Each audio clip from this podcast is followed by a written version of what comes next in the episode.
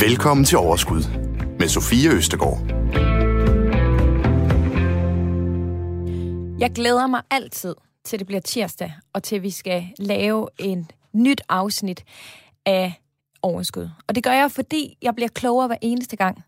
Men jeg vil også sige, øh, altså lige præcis emnet i dag, det er ikke noget, hvor jeg sådan har tænkt, what? Det emne, det bliver bare nødt til at blive klogere på. Altså jeg skal være helt ærlig at sige, jeg synes, det lyder en lille smule uoverskueligt, og sådan tenderende til at blive en lille smule langhåret, for at være helt ærlig, en smule kedeligt. Men jeg tror faktisk på, at det netop tit og ofte er pointen øh, med, at man så faktisk skal prøve at sætte sig en lille smule ind i det, for der er noget, der falder os meget naturligt, noget vi helt naturligt har en interesse for, og så er der andre ting, som øh, måske ikke falder helt så naturligt, men som måske er virkelig gode at kende til, og ikke mindst forstå, når vi skal håndtere vores investeringer. Og jeg tror faktisk, at dagens tema, som er inflation, falder lige præcis i den boks. Jeg vil sammenligne en lille smule med skat, fordi inden jeg lavede programmet om skat i november sidste år, der var det altså også en lille smule langhåret og en lille smule kedeligt. Men jeg kan love jer for, at det jeg fandt ud af, det var overdrevet vigtigt, at jeg lærte mere om skat. Så i dag, der skal vi altså tage et kig på årsagen til 2021's aktiefald på det danske marked. Fordi lige siden overskud startede tilbage i efteråret 2020, der har det danske aktiemarked set ganske fornuftigt ud. Og mange af os som hobbyinvestorer, vi har haft medvind øh, i sejlene. Men nu kunne det faktisk godt se ud til, at det begynder at vende en lille smule. Og en af de faktorer, en af de måske væsentligste faktorer til, at øh, det er begyndt at vende en lille smule, det er inflation. Eller måske er det rygter om inflation. Derfor så har vi det, valgt at dedikere det her program til øh, øh, af overskud til inflation, for simpelthen at finde ud af, hvordan inflationen påvirker vores aktier, og ikke mindst, hvordan vi skal agere i sådan et marked. Men det kræver altså først og fremmest, at vi forstår, hvordan inflation påvirker vores økonomi, og det lover jeg dig, at det bliver vi meget klogere på i dag. Velkommen til Overskud. Du lytter til Radio 4. Yes. Og øh, sådan et emne som inflation, det kræver altså virkelig også sin ekspert, for at jeg om en lille times tid føler, at jeg forstår det her. Jeg har øh, en idé om, at det godt kan blive en lille smule øh, indviklet. Så derfor så er det selvfølgelig ikke øh, her hvem som helst, vi har inviteret øh, med i programmet i dag. Det er Jakob Vejlø. Han er chefstrateg hos Bankinvest. Velkommen til, Jakob. Tak skal du have for det. Jeg er øh, enormt glad for, at du vil være med i dag. Og øh, nu, øh, jeg har jo meldt klart ud, hvordan jeg har det med dagens emne, men øh, jeg går ud fra, at øh, du er enig med mig i, at selvom det for sådan en som mig og måske andre kan lyde en lille smule langhåret, så skal vi altså, så er der altså en god, øh, der er god, det er vigtigt, at vi sætter os ind i det og forstår lidt om, hvad der, hvad, hvad inflation er. Er du ikke enig i det? Jo, det er jeg. Altså inflation er et øh, spændende tema rent faktisk, og, øh, og inflation altså har evnen til at øh, faktisk at destabilisere vores, vores økonomi og også de, de finansielle markeder. Vi har set nogle store kriser, der handler om inflation tilbage i historien. Så, så det er vigtigt at have en, en, en, en, i hvert fald en sådan orden idé om, hvad det egentlig handler om. Mm. Men inden vi hopper ned i det, for det hopper vi altså dybt øh, ned i, vi skal virkelig prøve at forstå det i dag, ikke mindst hvordan vi som øh, investorer skal agere øh, i markedet, som det ser ud lige nu, så kunne jeg egentlig godt tænke mig bare lige øh, at starte et lidt andet sted, for jeg kunne egentlig godt tænke mig, at vi lærer dig en lille smule bedre at kende. Øhm, jeg sagde det lige før, at du er chefstrateg i Bankinvest. Øhm, men hvad betyder det? Altså, hvad består dit job af? Ja, så øh, først og fremmest øh, lidt om os, øh, Bankinvest. Vi er en, øh, vi er det, man kalder for en, en kapitalforvalter. Og, og det betyder, at vi udbyder og forvalter en række fonde, investeringsforeninger. Det er aktiefonde, det er obligationsfonde, også det, man kalder for blandede fonde, hvor man kombinerer aktier og obligationer. Og det, man også skal vide om Bankinvest, det er, at vi er faktisk ejet af hele 36 banker i, i Danmark. Det er for eksempel Ringkøbing Landbobank, Spar Nord, øh, Arbejdernes Landsbank, Jyske Bank, Sydbank og Sparkassen Sjælland Fyn og, og flere. Og de banker, der ejer os, øh, og som i øvrigt samarbejder med os, ikke, de, øh, de anvender blandt andet de, de investeringsprodukter, vi har her i Bankvest i rådgivning af, af deres kunder. Så hvis nu du øh, hvis nu du går ned i din bank for at få en, en god snak med din investeringsrådgiver, så kan det være, at du bliver gjort bekendt med nogle af de fonde øh, og investeringsprodukter, som Bankebest udbyder. Ikke? Og så sammen med mine kollegaer, så, så investerer vi de penge, der kommer ind fra vores øh, kunder. Øh, det er en vigtig del af min dagligdag at have en, en, en dialog med vores kunder. Øh, og, øh, og så er der altså også en del af mit arbejde at netop at tale med, med dig og, og andre medier for at skabe større gennemsigtighed i, hvad vi, vi laver og hvem, øh, hvem Bankinvest er. Mm. Men, øhm, men Jacob, hvorfor er det så interessant for dig øh, hos Bankinvest at følge øh, altså, øh, inflation? Altså, hvorfor er det så in- interessant i det hele taget med inflation, at du ved så meget om det, så du ligesom kan fortælle os alle sammen jo. om det i dag? Jo, jo, altså inflation, det, øh, det er altså helt, helt ordentligt, så handler det i høj grad om vores, vores øh, samfundsøkonomiske øh, udvikling. Og, og øh, altså inflation hænger, og det er virkelig vigtigt, altså inflation hænger rigtig, rigtig meget sammen med renteudvikling i vores øh, samfund. Øhm, og det er blandt andet fordi, at, at vi, har, vi, har jo, øh, vi har jo centralbanker indover. Vi har overladt kontrollen med inflation til vores øh, centralbanker som bruger renten til at, at forsøge at styre inflationsudviklingen med. Ikke? Og, og, øhm, og der er nok mange, der ikke er helt bevidste om, hvor meget magt centralbankerne egentlig har. Ikke? Altså, det er jo ikke demokratiske institutioner, og, og det der med, hvor renteniveauet ligger, spiller en stor rolle for, for, for dig, for mig og for, for de flestes øh, privatøkonomi. Så inflation er, er spændende. Inflation er vigtig i forhold til de, de finansielle markeder, altså i forhold til det at, at forstå investeringslandskabet. Øh, så, så der er rigtig, rigtig meget at, at tage fat på. Det er vigtigt at følge med i. Og dermed også super vigtigt, at vi dykker ned i det i dag. Og Jakob, er du klar? Bestemt. Det er jeg glad for. Du lytter til Radio 4. Som det nok er gået op for dig allerede, så har vi jo selvfølgelig i dag øh, fokus på inflation, men vi har rigtig meget fokus på, hvordan inflation den påvirker øh, aktiemarkedet. Øh, for at forstå det, så er det jo klart, at vi skal starte et helt andet sted. Vi skal simpelthen starte, hvad er inflation? Når jeg for eksempel tænker på inflation, så, så tænker jeg først og fremmest på to ting. Det første, så tænker jeg, at øh, hvis mine penge bare står på en konto, så bliver de mindre værd. Øh, I hvert fald lige nu, hvor renten, den, øh, i hvert fald indlånsrenten, den er øh, så lav. Øh, og øh, den anden ting, jeg tænker på, det er, øh, i, i, i alle mine år som ansat, så kan jeg bare huske den der fornemmelse af, at til en lønsamtale, så skulle jeg have, jeg skulle simpelthen sørge for at få en lille bitte smule mere i løn, fordi ellers så ville jeg øh, få mindre i løn på grund af, øh, hvis den ikke ligesom fulgte øh, inflationen op. Det er de to ting, hvor jeg sådan i hvert fald det er de to ting, jeg først kommer til at tænke på. Øhm, men, øh, men det er jo mere end det. Øhm, og øh, altså, som jeg startede med at sige, så kan det for mig være en lille bitte smule uomskueligt at føle, at jeg skal forstå det hele, men heldigvis er jeg ikke den eneste, der har det sådan, fordi jeg har også kunnet mærke på vores Facebook-gruppe, der er der heldigvis mange af vores lyttere, der har skrevet til os, og der skriver blandt andre Martin Brun sådan her. I må gerne komme ind på, hvilke definitioner af inflation, der bruges i hvilke sammenhænge. For når man bare siger inflation, hvad er det så? Er det et indeks over priserne på en kurv af forbrugsvarer, eller er, øh, eller er det udviklingen i huspriserne? Øh, er udviklingen i priserne på øh, aktiver på kapitalmarkederne med? Inflation har altid forekommet mig at være et utroligt abstrakt begreb, som de fleste mener at forstå, men som kun de færreste reelt kan redegøre præcis for. Og altså, Jacob, jeg synes jo faktisk, at Martin han siger det fuldstændig præcis godt, fordi jeg har også altid haft den der sådan, ja, jeg ved da godt, hvad inflation er. Altså, det kan da godt. Og så har jeg sådan tænkt på de to eksempler, jeg lige kom med, og så har jeg tænkt sådan, så er det nok sådan ligesom det. Øhm, men, øhm, men, men, vi, men for at forstå inflation, øhm, vil du så ikke lige først og fremmest, Jacob, forklare, altså, hvad er inflation, og hvorfor påvirker inflation vores formuer?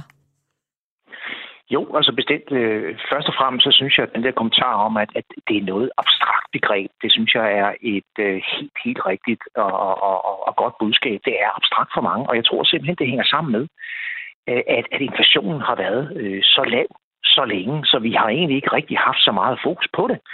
Øh, sådan har det været i nyere tid, men altså hvis, hvis du tager den, den, den ældre generation, så er, der, så er der mange, der husker høj inflation i 70'erne. Der betød inflation virkelig noget. Der var det altså virkelig med til at for eksempel undergrave ens øh, løn, det man kalder for, for reallønnen.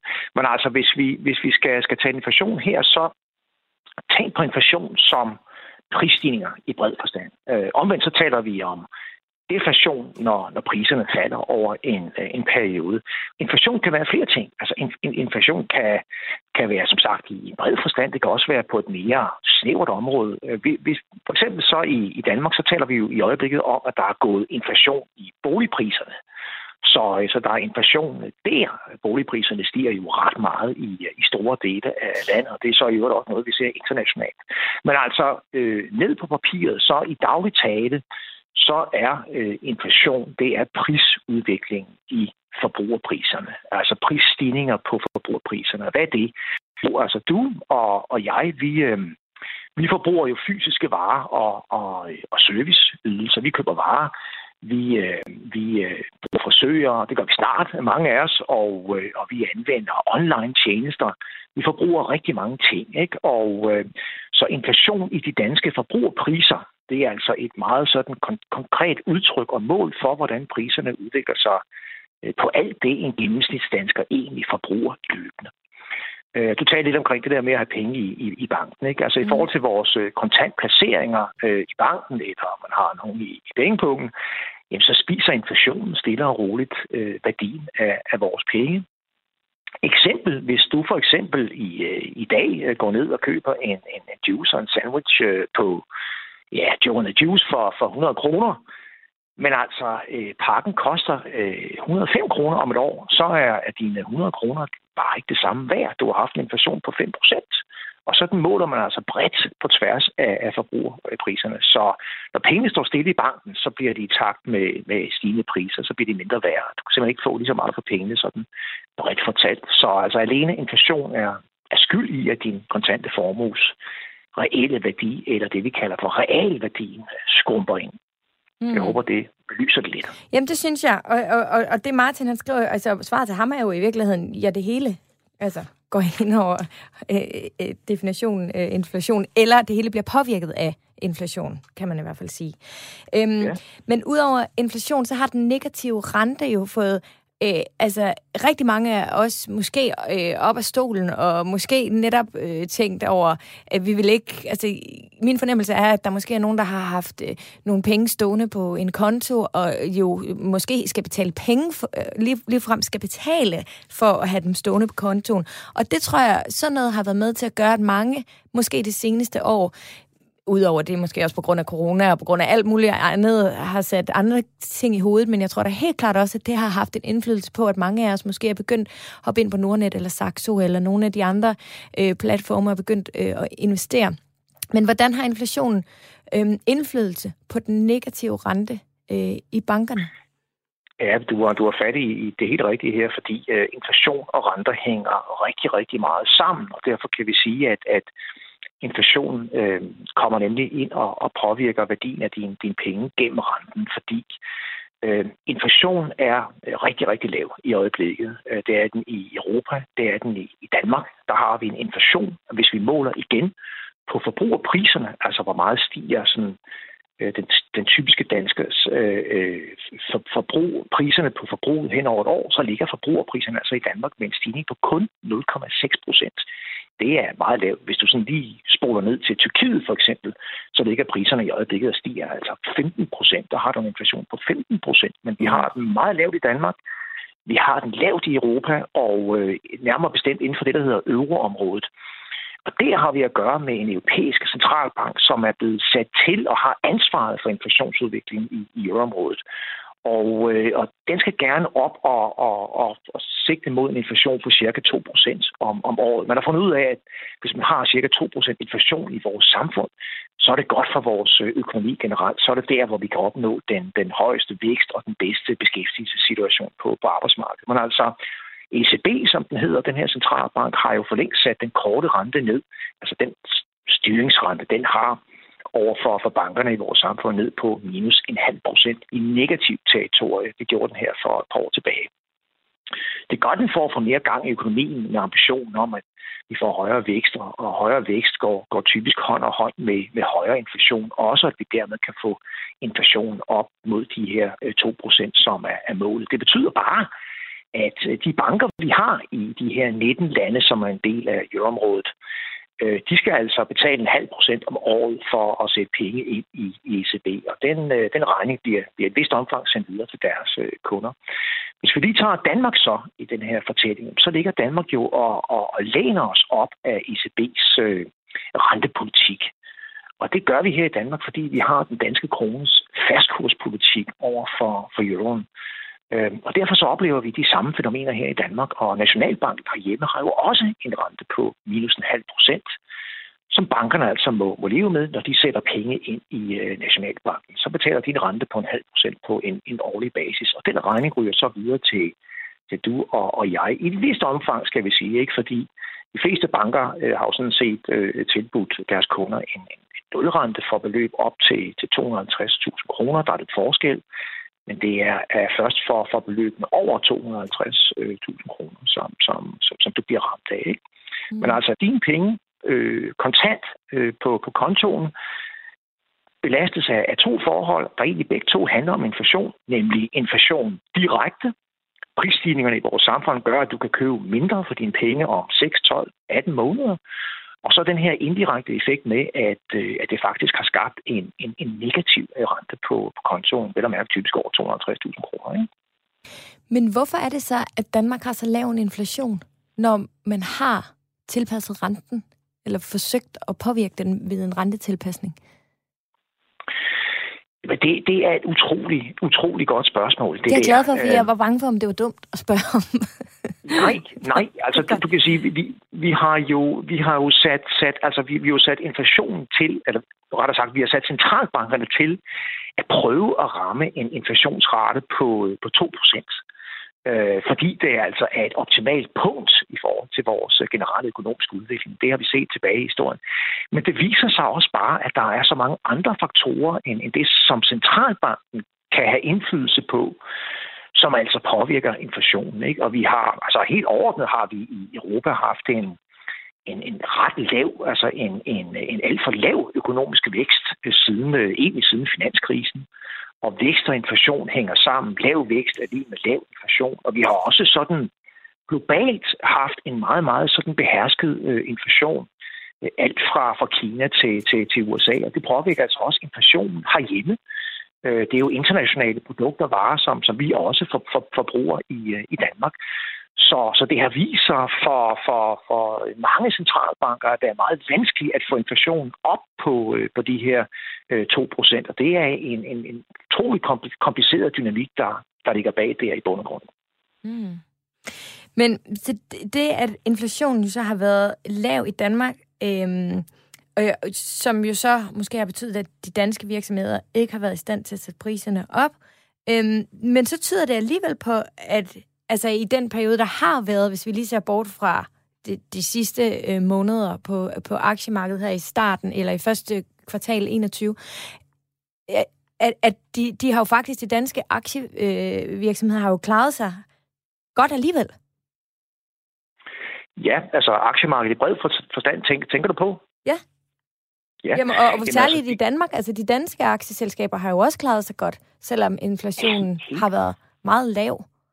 Jamen, helt, helt klart, og der, der er ikke sådan en direkte Øh, en-til-ens øh, forbindelse mellem inflation på den, på, på den ene side, og så, og så aktiemarkedet på, på den anden side. Det er der bestemt ikke, og det er fordi, at, at renten sådan set øh, hører med i, i billedet og analysen af, hvordan det går på, øh, på aktiemarkedet. Hvis du for eksempel ser på, på, øh, på altså, hvor meget har inflationen været i, øh, i Danmark de sidste fem år, så har priserne ikke steget meget mere end 4-5 procent, men altså det danske aktiemarked er steget langt, langt mere.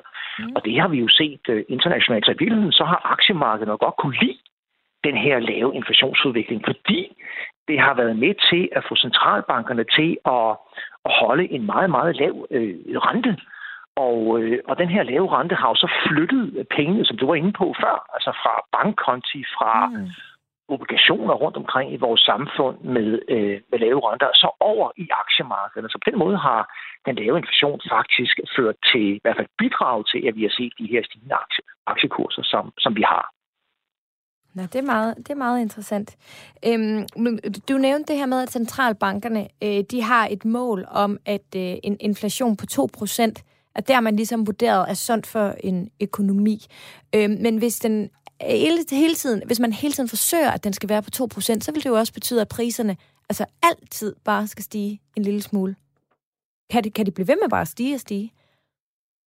Ja, altså der, der er den her naturlige dynamik i vores, i vores samfund med, at, at, øh, at inflationen, altså vi ser priserne stige i vores, øh, vores samfund over tid. Øh, det er sådan en, en normal udvikling, normal økonomisk udvikling i vores samfund. Du, du nævnte selv lige til at starte med det her med, at hvis, hvis du til, til lønsamtale, lønsamtale så, øh, så kan du godt tænke dig lidt mere i lønningsposen. Øh, så, så altså, og, og vi ser jo som, som bredt fænomen at lønningerne år for år typisk trækker lidt i, øh, i vejret, og det giver dig jo et billede af, at du rent faktisk får noget, noget mere løn. Det hele handler så i øvrigt om, om reel løn. Hvor meget stiger din løn i forhold til, til inflation? Ikke? Men altså, så lønningerne har en tendens til at, at, at stige over tid. Det betyder jo, at virksomhederne får lidt højere omkostninger, og de vil så typisk øh, sætte, øh, sætte priserne op for at, øh, at beskytte deres, øh, kan man sige, øh, profitter. Ikke? Og mm. omvendt, altså hvis, hvis virksomhederne har, har mulighed for det, hvis de ser en god efterspørgsel rundt omkring i vores samfund, så vil de jo også udnytte det til at, at sætte priserne op. Så vi har sådan en, det, det er næsten psykologisk, altså, at vi øh, både som lønmodtagere øh, og som, som virksomheder har sådan en interesse og et incitament til at at sætte priserne op. Vi kan bare konstatere, at, at den prisudvikling, vi har været vidne til i nogle år her, har været meget lav, øh, lav i forhold til centralbankernes øh, målsætninger. Det har mm. gjort, at de har holdt renterne lave, og det har altså faktisk bidraget til, til stigende aktiekurser. Ved du hvad, jeg tænker? Jeg tænker, at filurisen, den er et fremragende eksempel på inflation, fordi den er godt nok steget meget i øh, i pris, siden jeg spiste den, da jeg var barn. Og det smarte er jo så, på et tidspunkt har jeg en øh, idé om, at producenten har tænkt, nu kan den ikke stige mere, så gør vi den mindre. altså, og det er, vel også, det er jo netop også et, øh, et, et, et øh, altså filur i syndromet. Det kan du tage med videre, Jacob, når I skal forklare inflation for sådan nogen som mig, hvis I får sådan nogle kunder. Er det ikke en meget god idé? Det er super godt.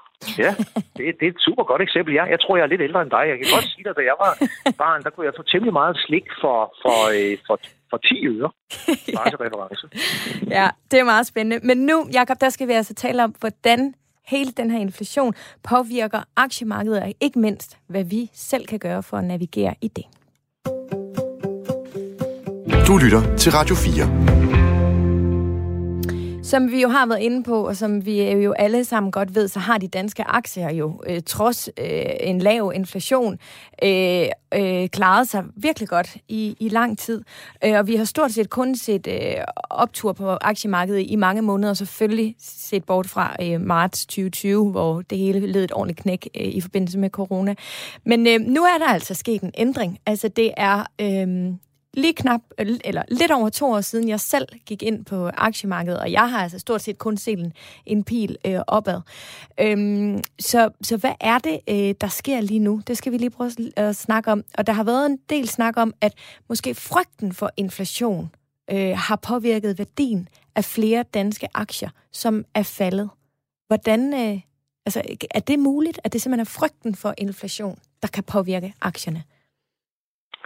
Jamen, altså, jeg, jeg, jeg er helt enig. Øh, altså, inflation er virkelig kommet ind på aktiemarkederne som et tema her i år. Egentlig både i Danmark og også øh, internationalt. Det er et globalt, øh, det er et globalt fænomen, og altså markedet har jo faktisk været glad for aktiemarkedet i Danmark og globalt for, at inflationen var lav, og at renterne dermed kunne holde sig lavt. Det har styrket aktiemarkederne. Det, der nu er frygten i aktiemarkedet, det handler jo i meget høj grad om, hvad der, hvad der sker med renterne hvis inflationen begynder at stige i de, i de kommende år. Så, så renterne er, er virkelig egentlig den, den direkte årsag til, at vi begynder at få den her sådan, så ustabilitet på aktiemarkederne, som, som vi ser.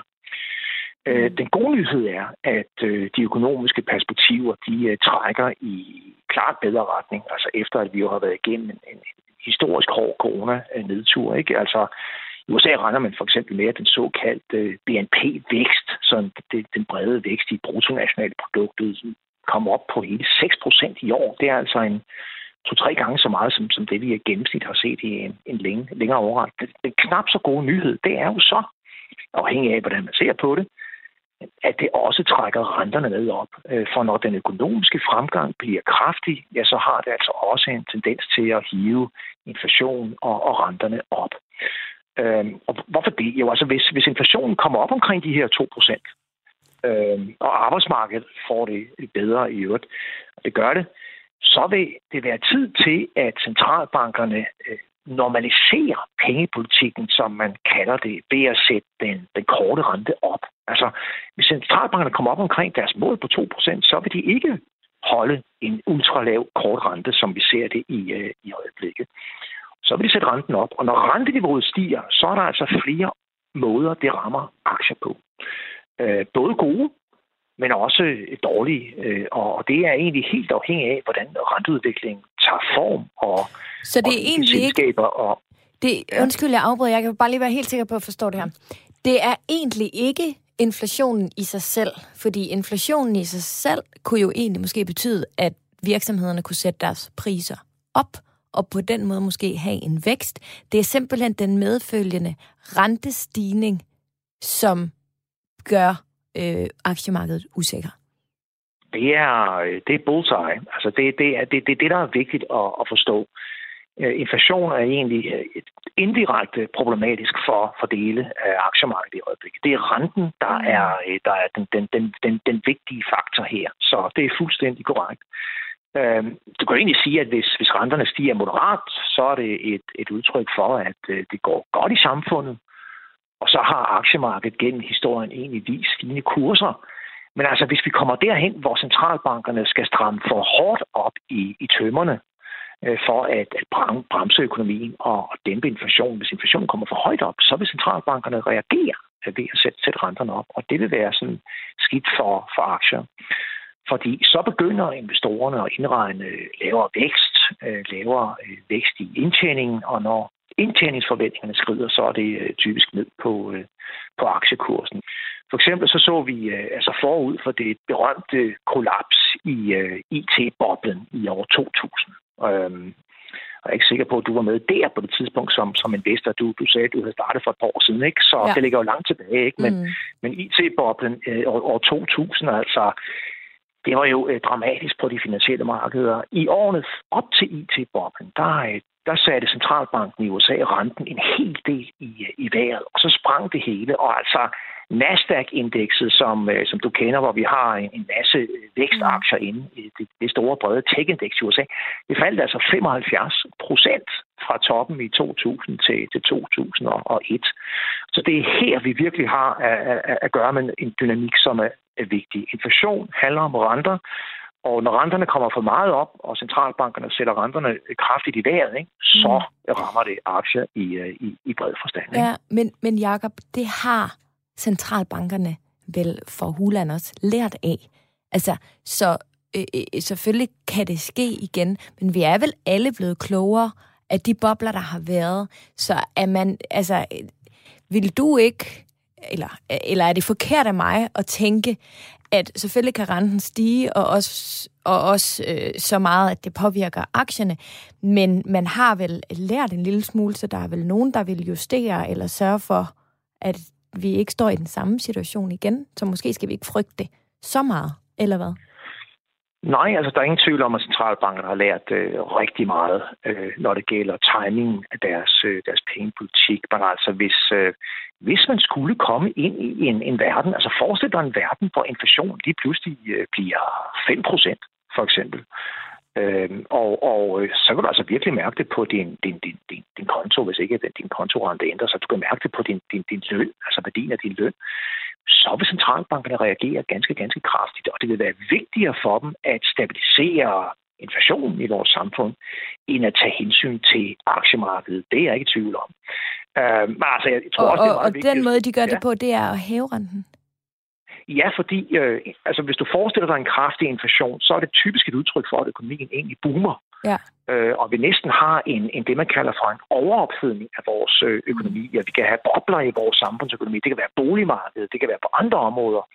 Og, øh, Og der vil centralbankerne gå ind og, og stramme og stramme grebet omkring økonomien ved at sætte renterne op, for lige at tage toppen af, af tempoet i samfundsøkonomien, som er med til at få, få inflationen op. Ikke? Det er centralbank, altså hvis du tager den europæiske centralbank, så er det simpelthen den, den, dens fornemmeste mål, det er at holde en inflationsrate på omkring 2%.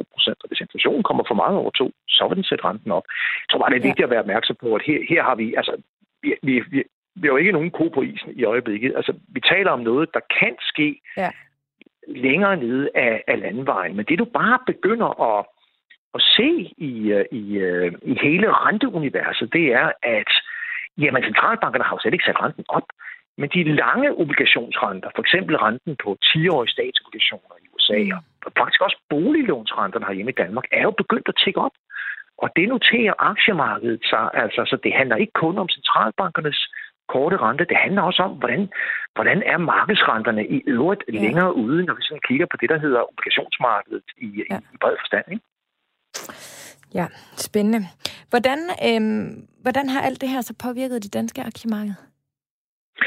Jamen altså, øh, hvis, vi, hvis vi meget kontant ser på for eksempel det danske C25-indeks, ikke, så, øh, så kom vi jo egentlig øh, meget godt fra start, øh, og, og indekset toppede cirka den 16. februar, og så øh, i hvert fald forløbigt så vi en, en bund i, øh, i starten af marts måned, omkring den 8. marts, og i den periode så så vi jo egentlig det danske aktiemarked falde med næsten øh, 11 procent, ikke? og øh, så er vi kommet lidt op igen, men der er jo en del sådan ustabilitet på det, på det danske øh, aktiemarked. Det er jo helt klart de internationale vinde, som, øh, som farer ind over os. Altså, selvfølgelig er det her ikke... Øh, det, der sker i aktiemarkedet, er ikke kun et spørgsmål om, om, om inflation og rente. Temaet, der er jo selvfølgelig også andre dynamikker, og i øjeblikket så er der en vis usikkerhed med hensyn til hele coronasituationen i, øh, i Europa, og den genåbning, som vi jo er på vej ind i i Danmark. Altså, tyskerne øh, taler om at forlænge nedlukningen, og, og hvad sker der så med hensyn til, til konjunkturerne? Så altså, jeg vil da sige, at, at det er en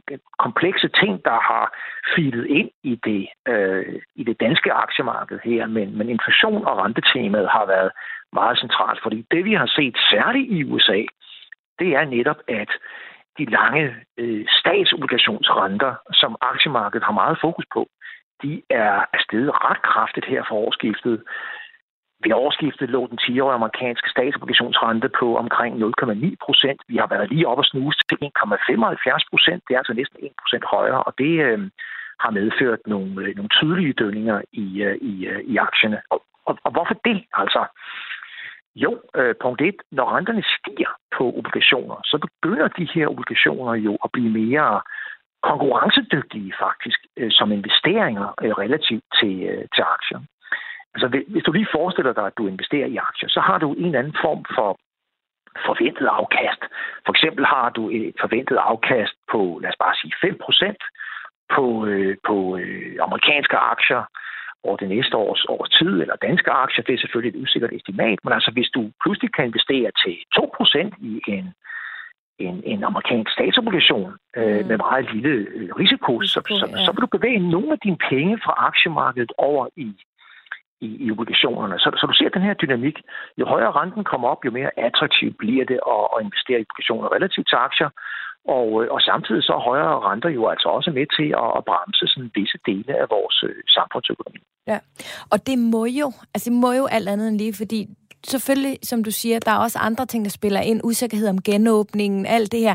Men altså, det har vi altså set øh, hele sidste år også. Der har den grad også været usikkerhed om genåbning, og nu vil jeg da sige, der er der mere lys forud med vacciner og alt muligt andet, så, så, så der må, altså der er bare noget andet, der spiller ind, og det er jo så selvfølgelig øh, usikkerhed omkring øh, renter og sådan noget.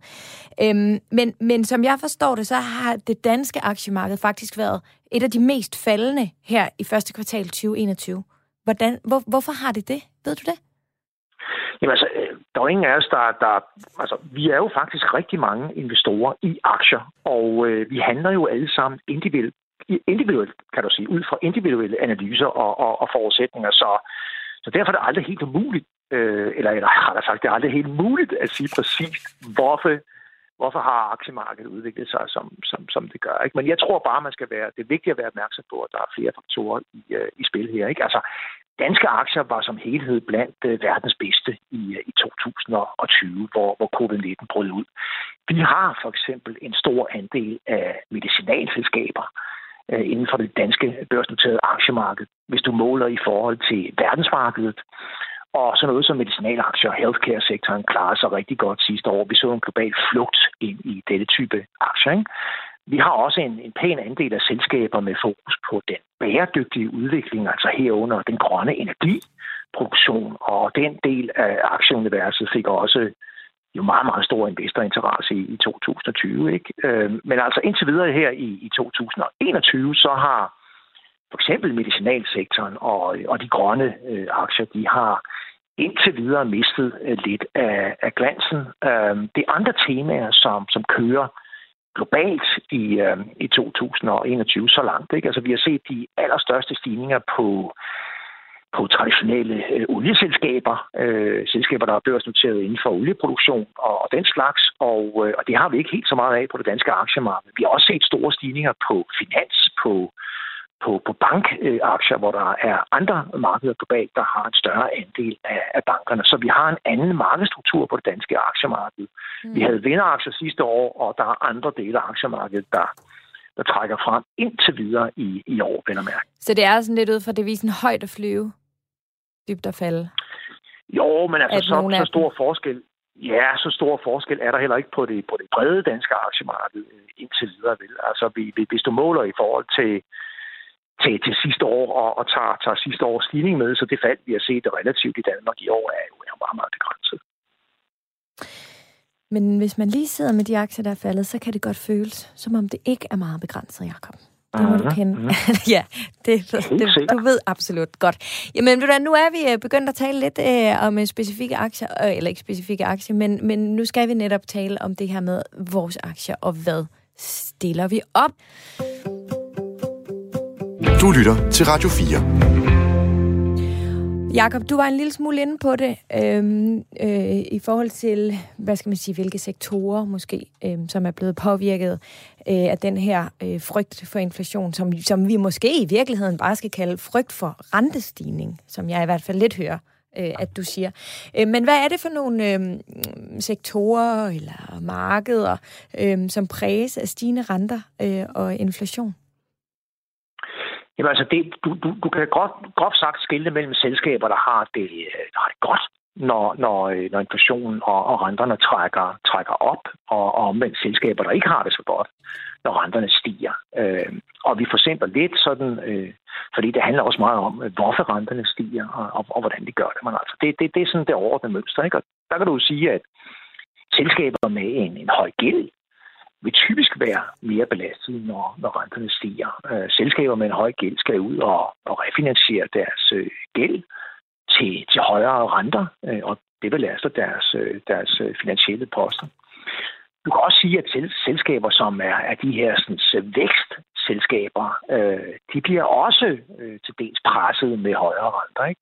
Altså vækstselskaber, hvad er, hvad er det? Jo, de er jo de er jo defineret ved at have en, en høj forventet vækst i, øh, i indtjening godt ude i fremtiden. Uh, så der er altså tale om, om lang tid, øh, inden at, at pengene kommer ind, og, øh, og der er jo en pæn udskrevet forbundet med det her fremtidige cashflow, eller den, den fremtidige indtjening. Ikke? Og øh, altså, det bliver måske lidt teknisk, men, men hvis du tager den måde, som aktieanalytikere og porteføljeforvaltere blandt andet arbejder på, altså de, de prøver jo at beregne et, et færre niveau for aktiekursen i, øh, i dag. Og, og det gør de altså blandt andet ved at, at prognostisere på, øh, på selskabernes indtjening, og, og så, så, ruller de, så, så, så laver de en nutidsværdi af den sådan, forventede fremtidige indtjening. Og man tilbage diskonterer er lidt teknisk ord, ikke? men altså du tilbage diskonterer egentlig øh, den forventede indtjening med, øh, med blandt andet niveauer. Og man, man, man, altså, matematikken gør simpelthen, at jo, jo højere rente du tilbage diskonterer indtjeningen med, jo, øh, og jo længere ud i fremtiden, at, at indtjeningen ligger, jo lavere så bliver nutidsværdien, og dermed... Hvad betyder det at tilbage diskontere? Jamen det er altså, at du simpelthen, øh, ja, du øh, forestiller dig, at, at du har en betaling øh, langt ude i, øh, i fremtiden. Øh, så, som vi talte om før, altså hvis, hvis du får 100 kroner om, om 10 år, så er de penge ikke lige så meget værd som 100 kroner i dag. Så for at få et mål for, hvor meget de 100 kroner om 10 år er hver dag, så, øh, så hiver man værdien tilbage ved at, at kan man sige, udhule Øh, og der bruger man så blandt andet renten til at udhule det beløb, der ligger langt ude i, uh, i fremtiden. Så, så pointen er, at når du har de her vækstselskaber, som, og der er mange selskaber, der i kører med et underskud, men hvor man forventer at tjene rigtig mange penge mm. ude i fremtiden, så, så når renten stiger, så giver det sådan bare en, en lavere, lavere teknisk aktiekurs i, uh, i dag. Uh, ja. Altså hvis, tag, tag et selskab som, som, som Tesla. Det faldt jo øh, faktisk... Øh, altså Tesla er sådan en typisk vækstaktie, som, som vi alle sammen kender. Tesla faldt jo 35 procent fra bunden, eller rettere sagt fra, undskyld, fra, fra toppen i januar til bunden i, øh, i marts. 35 procent, en tredjedel af værdien barberet af. Ikke? Og, øh, og det er altså et, et klart vækstselskab med en, en forventet markant løft i, i indtjeningen på, øh, på lang sigt. Og det er ikke tilfældigt, at den aktiekurs blev presset så meget ned i den her periode, fordi det var virkelig her, at vi så de amerikanske statsobligationsrenter springe op. Ikke? Ja. Øhm, og så, så er der selvfølgelig også til sidst her selskaber, der bliver påvirket af en stigende rente, fordi at øh, den stigende rente påvirker efterspørgselen efter virksomhedens ydelser. Det kunne for eksempel være inden for boligmarkedet. Hvis, hvis renten kommer højt nok op, så giver det noget modvind til, til boligmarkedet, og det kan jo give øh, noget pres på virksomheder, som, som arbejder med, med boligsektoren. Så der er sådan flere dynamikker, ja. højere renter, øh, presser visse dele af, af aktiemarkedet. Ikke? Og, og omvendt, så kan jeg bare mærke, altså sådan er min hjerne lidt indstillet. Altså, nu har den forsøgt at hænge i og forstå, øh, og jeg synes faktisk, at jeg er blevet væsentligt klogere allerede. Men jeg kan også mærke, at nu, der er det som om, den sådan, ding, nu er den virkelig på stikker, fordi nu kan jeg også mærke, at der er nogle konkrete ting, som jeg faktisk kan gøre. Fordi jeg kan godt, når markedet er sådan her, være sådan lidt, puh, så sætter jeg mig bare lige lidt på hænderne, og så må jeg bare vente, det skal nok øh, gå over på et tidspunkt. Men lige nu, det du siger, det, det giver mig faktisk nogle konkrete øh, altså muligheder for at gå ind og vurdere aktier på en anden måde ud fra markedet, som det er nu. Altså det der med at tjekke med en høj gæld, jamen, hvis renten stiger, er det ikke... Øh, altså det, det, øh, det, det giver virkelig god mening, det du siger. Øhm, kan du prøve at komme med nogle eksempler på, øhm, hvilke nogle aktier, øhm, altså, som vi måske skal øh, passe lidt ekstra på? Ja, altså nu, nu, talte vi, nu talte vi før om, om, om Tesla. Der er selvfølgelig mange øh, faktorer, ikke? Men, men vi har jo set øh, rigtig mange sådan øh, virksomheder blive, øh, blive børsnoteret i, øh, i de seneste par år her, hvor aktiemarkedet har haft rigtig godt selskaber, som er meget sådan teknologisk orienteret, vækstselskaber, som, øh, som, som faktisk øh, øh ja, taber øh, øh, en, en hel del penge, fordi de, øh, de udvikler sig, de bygger op, de udvikler deres teknologi og deres salgsnet og organisationer osv., ikke? men hvor man forventer, at de kommer til at tjene en masse penge nede af, af landevejen.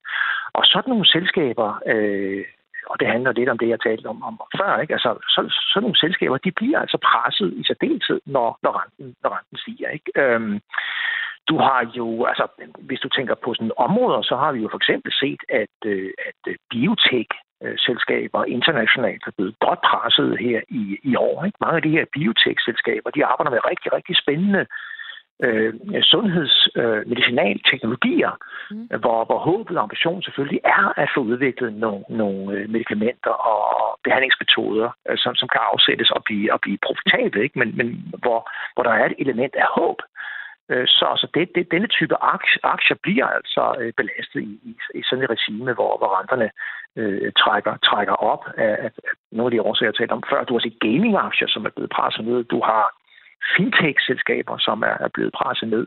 Herhjemme i Danmark, så er, øh, altså, det er jo interessant nok, så er nogle af de mest faldende aktier i år, det er jo faktisk øh, Vestas og, og Ørsted, og det er jo altså noget mere robuste øh, selskaber, det undrer vi, mig, om her. Ikke? Ja, og det ja. undrer mig altså lidt, fordi jeg kan forstå det, du siger ud fra for eksempel øh, en aktie, jeg har fulgt meget og havde øh, virkelig succes med sidste år, øh, vel at mærke, fordi jeg kom ud i tide. Nu er den så sted igen, men det er den, et aktie, der hedder øh, Beyond Meat, som jo var sådan ja. lidt netop sådan et, som jeg definerer som det, du siger. En aktie, som på ja. sigt ud i fremtiden, det var også det, jeg købte ind i. Det er helt klart. På et tidspunkt, så skal sådan noget som det her, vi skal ikke spise kød lige så, i samme omfang, det bliver fedt.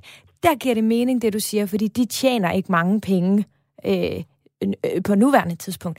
Men, men sådan en som, som Vestas, det kan altså godt undre mig, fordi altså, hvad jeg kender Vest, altså hvad jeg kender til Vestas, så tjener de da ganske udmærket med penge, og har der også ordre i bogen.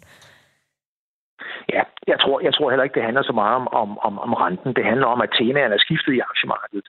Altså, som, øh, som, som vi talte om tidligere, så er det her, sådan, hele det her green tech, øh, fokusering på, øh, på bæredygtige øh, energiproducenter, øh, var, var rigtig, rigtig, altså det var rigtig, rigtig succesfuldt øh, sidste år, ikke? Øh, og vi har set et, øh, et skift i aktiemarkedet over med nogle andre sektorer her i år. Øh, nogle andre heste trækker foran, og det er blandt andet inden for de traditionelle, altså sorte energiproducenter, ikke de grønne, men nu er det blevet de sorte, der trækker frem, og det er også øh, bankerne, som ligger rigtig, rigtig stærkt. Øh, så Vestas og Ørsted handler, om, øh, handler også om, at de selskaber sammen med en, en vifte af, af, af grønne energiproducenter, altså bare simpelthen var kommet op i et meget dyrt øh, prisleje. Ikke? Altså hvis du tænker på, på deres kurser i forhold til deres glimrende indtjening, så var kursniveauerne bare presset rigtig, rigtig højt op. Ikke? Mm. Så, øhm, Ja, så, okay. så, så de er de, de råd, altså Vestas har i år tabt 20 procent, Ørsted stort set det samme, og, og, og det, det er et, det er et tema øh, om, om sektorrotation i aktiemarkedet, der, der er kørt der, og, ja. øh, og de er blevet ramt af. Men indirekte er de også blevet ramt af, at renterne er trukket op, og det tema her kører, fordi dyre aktier er, er i et vist omfang blevet, blevet presset ned af, af de her stigende renter. Altså nu, jeg er selv sådan en, der har den her grønne strategi, Altså, jeg, jeg, jeg er jo ikke i tvivl om, at det kan godt være, at øh, den sektor lige nu, øh, hvad kan du, et sektorskift, eller hvad du sagde, øhm, men altså, jeg tror der stadigvæk på, altså, der er der vildt meget fokus på den grønne, grønne omstilling fortsat. Altså, så... Helt klart. Er det bare lige Helt nu, klart, så? Ja. Ja, det er et, et, rigtig, rigtig godt spørgsmål. Øh, hvor lang tid varer det her sådan, øh, kursfald, det her pres på de her øh, green tech-aktier, som, som vi ser ikke bare i Danmark i relation til, til Vestas og Ørsted, men også globalt. Øh, jeg synes, at det, det ser ud som om, vi har set en vis stabilisering i de, i de senere dage. Øhm, jeg tror ligesom dig meget, meget klart på, at, at vi har at gøre med en megatrend her, altså bæredygtige investeringer i mere bred forstand, noget vi arbejder rigtig meget med her i, øh, i, i Bankenvest. Øhm, altså aktier, som, som scorer højt på det, som vi kalder for, for ESG, øh, og som altså øh, gør det godt, når det gælder øh, miljømæssige forhold, øh, og i os for sig også sociale forhold og, og lidelser osv. Altså vi har at gøre med en megatrend her. Mm. Øh, tag øh, Kina, som i efteråret besluttede sig for at blive CO2-neutralt i 2060. Øh, altså Kina øh, er, jo, er jo på vej til at blive verdens største økonomi. Joe Biden har været inde og sagt 2050. Øh, Europa er, er langt øh, fremme i, i ambitionerne. Altså det her er et tog, der kører. Derfor tror jeg også, at man som, som langsigtet investor skal have en, en klar andel som sin portefølje til, mm. øh, til de her øh, typer af selskaber, som, som er stærke inden for, for grøn energiproduktion. Ja. Nu har vi talt lidt om, hvilke nogen, der lige nu er lidt presset, hvilke aktier. Øhm, jeg kunne godt tænke mig at høre om, hvilke, hvilke danske aktier, som, øh, som, som så tværtimod øh, klarer sig godt igennem sådan en, øh, jeg ved ikke, om man skal kalde det krise, det er det vel ikke sådan helt endnu, men i hvert fald igennem den her tid, hvor der er spekulationer i øh, inflation og rentestigninger det er tydeligt at se, at, at, øh, at bankerne er kommet rigtig godt fra start her i 2021, og det er jo så netop en sektor, som, som typisk nyder godt af, af stigende renter og, og bedre økonomiske konjunkturer i øvrigt. Ikke? Altså, når renterne trækker op, så har øh, bankerne bedre mulighed for at, at øge det, vi kalder for, øh, for rentemarginal. Øh, forskellen mellem den rente, som, øh, som de låner ud til, og den rente, som, øh, som de betaler for at at få dine penge ind på, øh, på, på kontoen. Det er så dig, der betaler i øjeblikket, men det kalder vi for rentemarginalen. Så bankerne kan simpelthen bedre øh, tjene penge på deres udlånsforretning, når renterne stiger, og samtidig så får de et, et lavere kredittab, når vi bevæger os øh, ind i en bedre økonomisk udvikling. Så altså, vi har jo set øh, nogle af de regionale øh, aktier, bankaktier, stige med ja, i hvert fald 30 procent. Vi har Danske Bank, som er i øjeblikket op med omkring en 18 procent, og det er over 25 øh, nogle af de stærkeste aktier, vi har set på det danske aktiemarked. Og så har vi også de, de, øh, de cykliske øh, transportselskaber øh, øh, indover her. Vi har for eksempel DSV, øh, som er op med omkring 15 procent i, i øjeblikket. Ikke? Vi har Tor, som er op med 25 procent, og altså transport, shipping, andre områder, der virkelig står til at, at få det bedre øh, med hensyn til indtjening, når vi øh, netop bevæger os ind i bedre internationale økonomiske konjunkturer. Ikke? Det er så nogle selskaber, som, øh, som har set nogle rigtig stærke stigninger. Og for de selskaber gør det sådan set ikke så meget, at renten øh, samtidig har været øh, stigende. Og så har vi øh, internationalt, det er også et tema, der kører i markedet. Internationalt så har vi jo set store kursløft på på selskaber, der har været hårdt ramt af, af nedlukning, men, men som omvendt øh, står til at blomstre op på, på genåbningen. Altså for eksempel så har du et, et, et indeks over den globale luftfartsindustri, øh, uh, JETS-indeks. Ikke? Det er det er stedet godt 20 procent i år. Uh, det er op 130 procent fra bunden sidste år. Du kan også se, hvordan de store hotelkæder de er, de er stedet ganske, ganske meget, for eksempel. Ikke? Hvilket jo også kan øh, kan undre, fordi turistbranchen og nedlukningen og de her ting ser ud, som, som de gør lige nu. Ikke? Men, men er det så også, fordi man nu øjner, altså med vacciner og sådan noget, at, at det måske snart kan, øh, kan ændre sig? Udover selvfølgelig, at de jo har været helt i bund i, i, i noget tid i, i modsætning. Altså, er det det omvendte, vi ser af den grønne, de grønne aktier? Ja, altså markedet har jo en fænomenal evne til at, at se fremad og, og forud diskontere, øh, øh, altså simpelthen vurdere fremtiden og så lægge forventningerne ind i de priser på aktiekurserne på, på nuværende tidspunkt. Ikke? Så øh, det er fuldstændig rigtigt. Altså, der er jo dårligt nok kommet gang i, i den globale luftfartssektor. Øh, øh, Der er jo ikke kommet gang i øh, altså cruise-ferierne i endnu. Øh, restauranterne kører ikke. Alligevel har du set de her stigninger. Det er jo fordi, at, at markedet øh, kan forudse, at, at mm. det kommer altså virkelig til at ramme bundlinjerne positivt, når, når samfundet begynder at, at, at åbne mere op. Og, og det er jo og det er jo en rimelig øh, klar analyse, at, at det vil udvikle sig sådan, fordi vi, vi trods alt ser, at, at vaccineudrulning globalt øh, tager det USA, at de jo næsten op på, på 40 øh, vacciner per ja. 100 borgere på, på nuværende tidspunkt. Ikke? Men så er det jo det store spørgsmål, Jakob, som du jo selvfølgelig lige skal sende os alle sammen afsted med. Hvor lang tid tror du, at det her det kommer til at fortsætte? Og skal vi nu gå ind og ligesom rebalancere lidt? Skal vi gå ind måske lige og ændre lidt, købe lidt banker og sælge ud af lidt af det grønne, der, der, der. eller hvad skal vi? Det er, det er et super godt øh, spørgsmål, det der. Det afhænger jo... Altså, jeg vil godt have et super tror, godt svar. ja, fordi øh, i virkeligheden så er det jo... Altså, det, det, det kræver egentlig et, et individuelt udgangspunkt. Ikke? Jeg tror, det er vigtigt at gøre sig klart, hvad ens øh, strategi i virkeligheden er. Ikke? Altså, vi er jo meget forskellige som, som investorer. Uh, vi har forskellige uh, eksponeringer. Du har din aktieportefølje, ikke? Uh, mm. uh, jeg har en anden aktieportefølje uh, uh, per, personligt. Vi har alle sammen forskellige, i hvert fald også der investerer i aktier, vi har forskellige individuelle porteføljer ikke? Og, og forskellige udgangspunkter og forskellige strategier.